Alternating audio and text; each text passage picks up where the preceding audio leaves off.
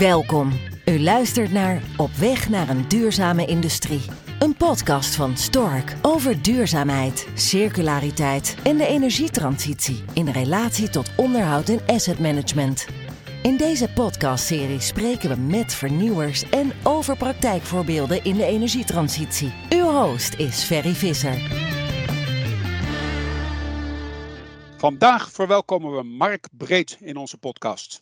Mark heeft chemische technologie gestudeerd aan de Universiteit van Groningen en werkt al meer dan 20 jaar bij het chemiebedrijf Tegin, waar hoogwaardige vezels worden geproduceerd. Sinds iets meer dan een jaar is hij Business Development Manager waterstof bij Tegin Aramid. Hij kijkt hoe de energietransitie en de rol van waterstof hierin zich ontwikkelt en doet onderzoek hoe Tegin met kennis en hoogwaardige materialen kan bijdragen aan de noodzakelijke waterstofinfrastructuur. Dit doet hij met veel plezier en passie, omdat hij zo bijdraagt aan zowel een duurzame wereld als aan de ambitie van Tejan Aramid om volledig duurzaam te worden. Alle reden voor een goed gesprek in het kader van onze podcast op weg naar een duurzame industrie. Goedemorgen Mark. Goedemorgen. Goed om je weer te spreken. Heb ik je goed geïntroduceerd zo? Jazeker Ferry, uh, dankjewel voor de introductie. Nou, dat, dat is heel fijn. In het komende kwartier ga ik proberen voor onze luisteraars meer te weten te komen over jullie ontwikkelingen en plannen, maar vooral ook over wat Tegin al aan het doen is om de duurzaamheids- en dan vooral ook de CO2-reductiedoelen van 2030, en dan hebben we het over 60% reductie, om die te gaan behalen. Hier is dan ook mijn eerste vraag op gericht. Wat wordt er dit jaar al gerealiseerd? En met name natuurlijk, wat is jouw rol hierin? Ja, Tetin Ermit um, heeft op uh, termijn de doelstelling om uh, 100% uh, duurzaam te worden. Dat betekent net zero. En we willen dat onze hoogwaardige materialen van 100% renewable carbon zijn gemaakt. Um, daar wachten we niet mee. Daar zijn we al tien jaar mee bezig. Um, hè, met energiebesparingen, afvalstromen verminderen, hergebruiken. En eigenlijk wat de focus dit jaar wordt, is pilots doen om de meer moeilijke transitievraagstukken uh, uh, om daar te verkennen. Dus dan moet je denken aan pilots in uh, hoe gaan wij onze warmtevoorziening verduurzamen. En pilots, hoe gaan we meer van onze eindproducten weer terughalen en circulair maken. en mijn rol is vooral te kijken naar de kant hoe onze materialen kunnen bijdragen aan een meer duurzamere wereld. Uh, dus ik ga komend jaar uh, richten op demonstratieprojecten. Uh, om te zien hoe onze materialen kunnen bijdragen. En één project daarvan is bijvoorbeeld waterstofinfrastructuur. Waar je met Twaron versterkte kunststofleidingen kunt gebruiken. En die, ja, die hebben een forse CO2-reductie van wel 70% in totaal dat is al gelijk een heel interessant gegeven, Mark, wat jij zo uh, eventjes uh, naar voren brengt. Want het is best heel bijzonder wat jullie doen. En zou jij kunnen vertellen waar die 70% reductie die jullie denken met versterkte leidingen uh, zeg maar te realiseren, waar dat dan vandaan komt? Ja, dat zal ik doen. we, we hebben binnen Tegin een model ontwikkeld. Dat is een gecertificeerd model. En met dat model kunnen we eigenlijk in de, over de hele levenscyclus kijken wat de bijdrage is aan zowel de economische als de ecologische aspecten um, uh, van, de toepassing. Uh, dat hebben we ook gedaan voor kunststofleidingen. Uh, daarvoor hebben we partners gevonden, onder andere Groningen Seaports en Soluforce, Visser Smit en HDM Pipelines. want je hebt betrouwbare data nodig om zoiets uit te rekenen. Um, en daar hebben we een voorbeeldproject ook gepakt. Dat wordt uh, uh, tevens ook een First Industrial in Noord-Nederland. Um, en dat model hebben we ontwikkeld afgelopen jaren en gevalideerd. En die geeft eigenlijk aan dat je total cost of ownership en je carbon footprint uh, uh 70% lager is. Het laatste. Hè, hoe komt dat nou? Want ja. dit is in het proces wat ik uitleg, maar inhoudelijk, uh, je hebt te maken met een veel lichter product per meter een stalen leiding is ongeveer vijf keer meer gewicht. En dat gewicht, dat moet uh, geproduceerd worden, er moet een leiding van gemaakt worden, dat moet getransporteerd worden naar een site en dat moet geïnstalleerd worden op die site. En dat alles samen maakt dat je uh, eigenlijk een, voor infrastructuur een product hebt wat een 70% lagere footprint heeft. Juist, juist. Nou, ja, en gezien de ontwikkeling in zeg maar, die waterstofinfrastructuur zou dit een enorme impact kunnen hebben. Um, maar dan doet gelijk ook de gedachte zich voor. En de, ja, we hebben het er al even over gehad. Binnen Stork hanteren wij een model uh, waar ook recycling een belangrijk onderdeel van de CO2-reductie uitmaakt. En dan hebben we het over de materialenstroom. Um, als we denken aan dit soort leidingen, hoogwaardige kunststoffen, is dat op termijn nog wel recyclebaar? Uh, want dat draagt uiteindelijk ook bij aan die footprint. Hoe zit dat in elkaar?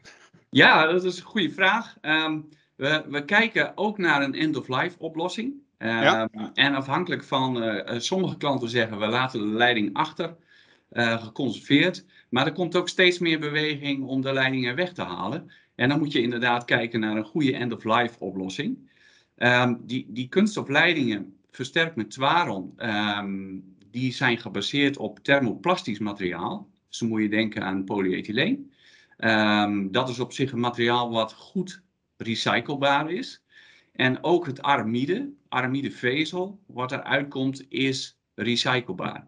We doen het nog niet, omdat er nog geen end-of-life markt is. Het product is ongeveer al 20 jaar op de markt in de olie- en gassector. En ja, ik denk de komende vijf jaar zou je misschien de eerste end-of-life producten uh, terug kunnen verwachten. En dan gaan we zeker uh, kijken naar de recyclability van dat product. Oké, okay, oké. Okay. Ja, heel, heel relevant denk ik. En ook voor minder ingewijde luisteraars uh, goed om te weten dat dit wel degelijk ook aandacht krijgt. Absoluut. Uh, bij jouw introductie heb ik het woord waterstof laten vallen. We hadden het er net ook al even over. Waterstof is uh, heel belangrijk voor Tejan. Het heeft een enorme ontwikkeling in de markt op het moment. Iedereen lijkt er wel mee bezig. Waarom moet Tejan daar dan ook echt een belangrijke rol in gaan spelen? Is dat alleen maar vanwege die Twaron versterkte leidingen of gaat dat verder? Nee, dat gaat wel verder. Uh, de visie van Tejan is dat wij willen bijdragen aan de, aan de samenleving van de toekomst. En uh, wij zien daar ook een rol voor waterstof in die, uh, in die duurzame toekomst. We zien uh, om de energietransitie in voldoende mate te realiseren, hè, dat wil zeggen dat we de opwarming van de aarde beneden de 2 graden houden en het liefst anderhalf graad, heb je waterstof nodig. dat is één. En dan als je kijkt naar waterstof, waterstof is niet um, een, een, een makkelijk gas uh, om te handelen en op te slaan. Het is uh, potentieel explosief, het is vlambaar, het, het ontsnapt door de kleinste defecten in materialen. Je hebt relatief hoge drukken nodig om materiaal praktisch te handelen. En eigenlijk sluit dat heel goed aan bij high performance materialen zoals Twaron, waarmee je eigenlijk op een, op een duurzame en kosteneffectieve manier die bij kunt dragen aan die waterstofontwikkelingen. Dus dat, is, dat gaat wel breder dan de, de kunststofversterkte leidingen. Um, het is ook belangrijk voor Tetin zelf, voor het vergroenen van onze activiteiten. We kunnen uh, een deel van onze activiteiten bijvoorbeeld elektrificeren, maar we hebben ook warmtebehoeften, waarbij waterstof um, een goede oplossing kan zijn om die ook te vergroenen. Dankjewel voor deze toelichting. Maar dat is ook een heel mooi bruggetje naar wat doen jullie zelf als organisatie om jullie eigen voetafdruk te verlagen. Want natuurlijk in de keten zijn jullie producten heel belangrijk om die waterstofinfrastructuur vorm te geven. En ook de samenleving verder te helpen op dit gebied. Maar ook jullie eigen productieprocessen, jullie eigen organisatie heeft ook een CO2-voetafdruk. Uh, is dat iets waar jullie ook al gericht mee bezig zijn? Of, of uh, staan jullie nog aan het begin daarvan? Uh, wat is de situatie? Nee, daar zijn we al ruim tien jaar mee bezig. Hè, we hebben onze carbon footprint in onze emissies in kaart gebracht.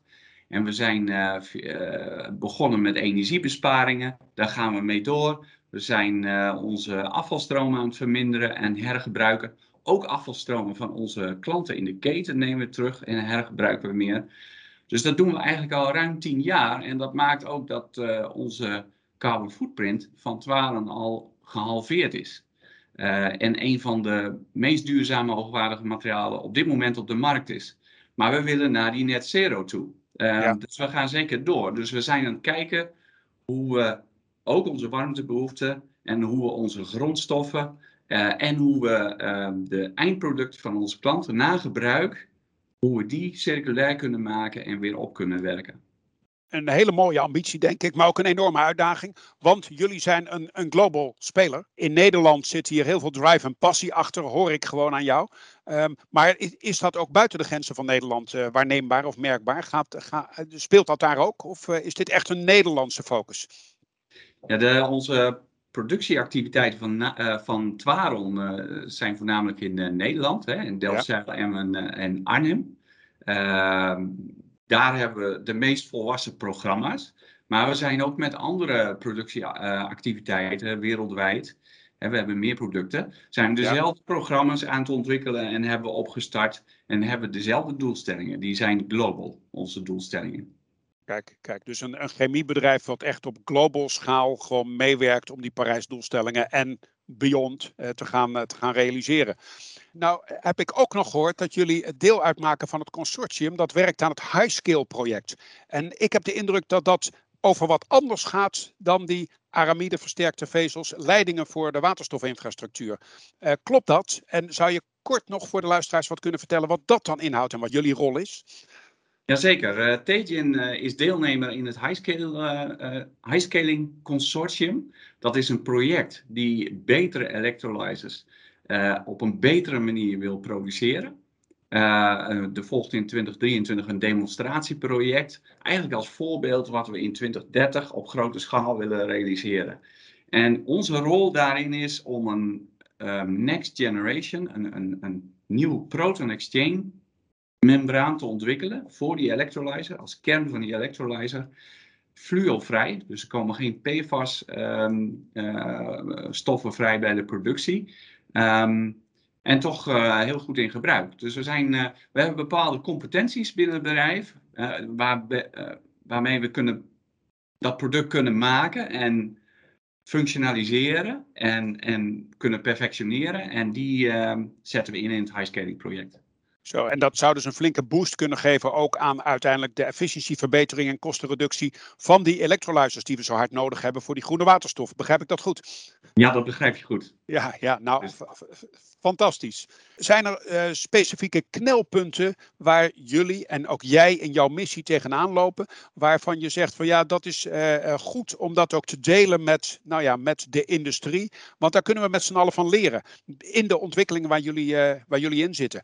Um, wet en regelgeving, andere, andere zaken. Um, zijn er zaken waar je tegenaan loopt? Ja, er zijn verschillende zaken waar je tegenaan loopt. Bijvoorbeeld zo'n um, zo'n uh, voor infrastructuur, die kunststofversterkte leidingen. Ja. Eh, dat is bij, bij, bij autorisaties om uh, licenties en vergunningen te krijgen, is dat best lastig. Hè? Er zijn allemaal rekenmodellen gebaseerd op staal uh, onderhoudsmodellen gebaseerd op staal. En om daar een totaal ander concept um, uh, te implementeren is best een uh, uitdaging. Um, dus er zijn zeker uitdagingen. En als we kijken naar onze activiteiten, bijvoorbeeld het verduurzamen van warmte, daar kijken we naar verschillende opties. En we merken dat andere industrieën eigenlijk dezelfde opties op tafel hebben. Dat is of gebruik van biomassa, ja. met alle voor- en nadelen die daarbij komen. Uh, of kijken naar elektrificatie. Um, daar zitten ook uh, de voor- en nadelen aan. Ja, of uh, duurzame waterstof. En wanneer komt waterstof beschikbaar en tegen welke prijs? Dus het zijn vraagstukken, uitdagingen, die denk ik niet uniek zijn voor Tegin, maar voor, voor, voor de industrie als geheel. Ja, ja, en, en zoeken jullie daar dan ook de samenwerking met zeg maar de industrie als geheel? Op bedrijvenparken of breder dan dat? Ja hoor, ja, daar zoeken we zeker uh, de samenwerking. Uh, en uh, ja, we stemmen ook plannen af van, hey, als we gezamenlijk bijvoorbeeld naar de overheid met dit verhaal stappen, nou, misschien kunnen we dan een en ander in de goede richting bewegen. Ja, ja, ja oké. Nou ja, goed. Belangrijk om te weten. Ik heb vaker in onze podcastserie gehoord dat samenwerking wel een van de belangrijke voorwaarden is om succesvol te zijn in deze transitie waar we met elkaar in zitten. Uh, maar goed, ik denk dat jij onze luisteraars uh, inmiddels een mooi inkijkje hebt gegeven in jullie aanpak richting die klimaatneutraliteit. Maar ook in wat er nodig is om uiteindelijk die waterstof, nou ja, uh, economie gestalte te geven, hè, waar iedereen toch, uh, toch naar kijkt. Ik denk dat jij en jullie daar een belangrijke rol in, in zullen gaan vervullen. Heb jij nog een laatste tip of advies of een raad die je, die je mee wil geven aan de luisteraars voordat we deze podcast afsluiten? Jawel, ik denk als we kijken naar waterstof, ehm, dat het daar vooral belangrijk is om in de keten te denken. Uh, voor waterstof moet die hele keten nog opgezet worden. Dus je kunt kijken naar productie, maar je moet ook kijken naar afnemers. Je moet kijken naar distributie, opslag. Je moet het gehele speelveld over de keten bekijken. En ik denk dat samenwerking, uh, ja, ik, ik, denk dat dat erg belangrijk is om effectief en doelmatig daarin te kunnen zijn. Juist, daar draait het echt om. zowel binnen de organisatie, maar ook zeg maar, in, in het hele ecosysteem. Eh, samenwerken en eh, daadkrachtig tot de juiste resultaten komen.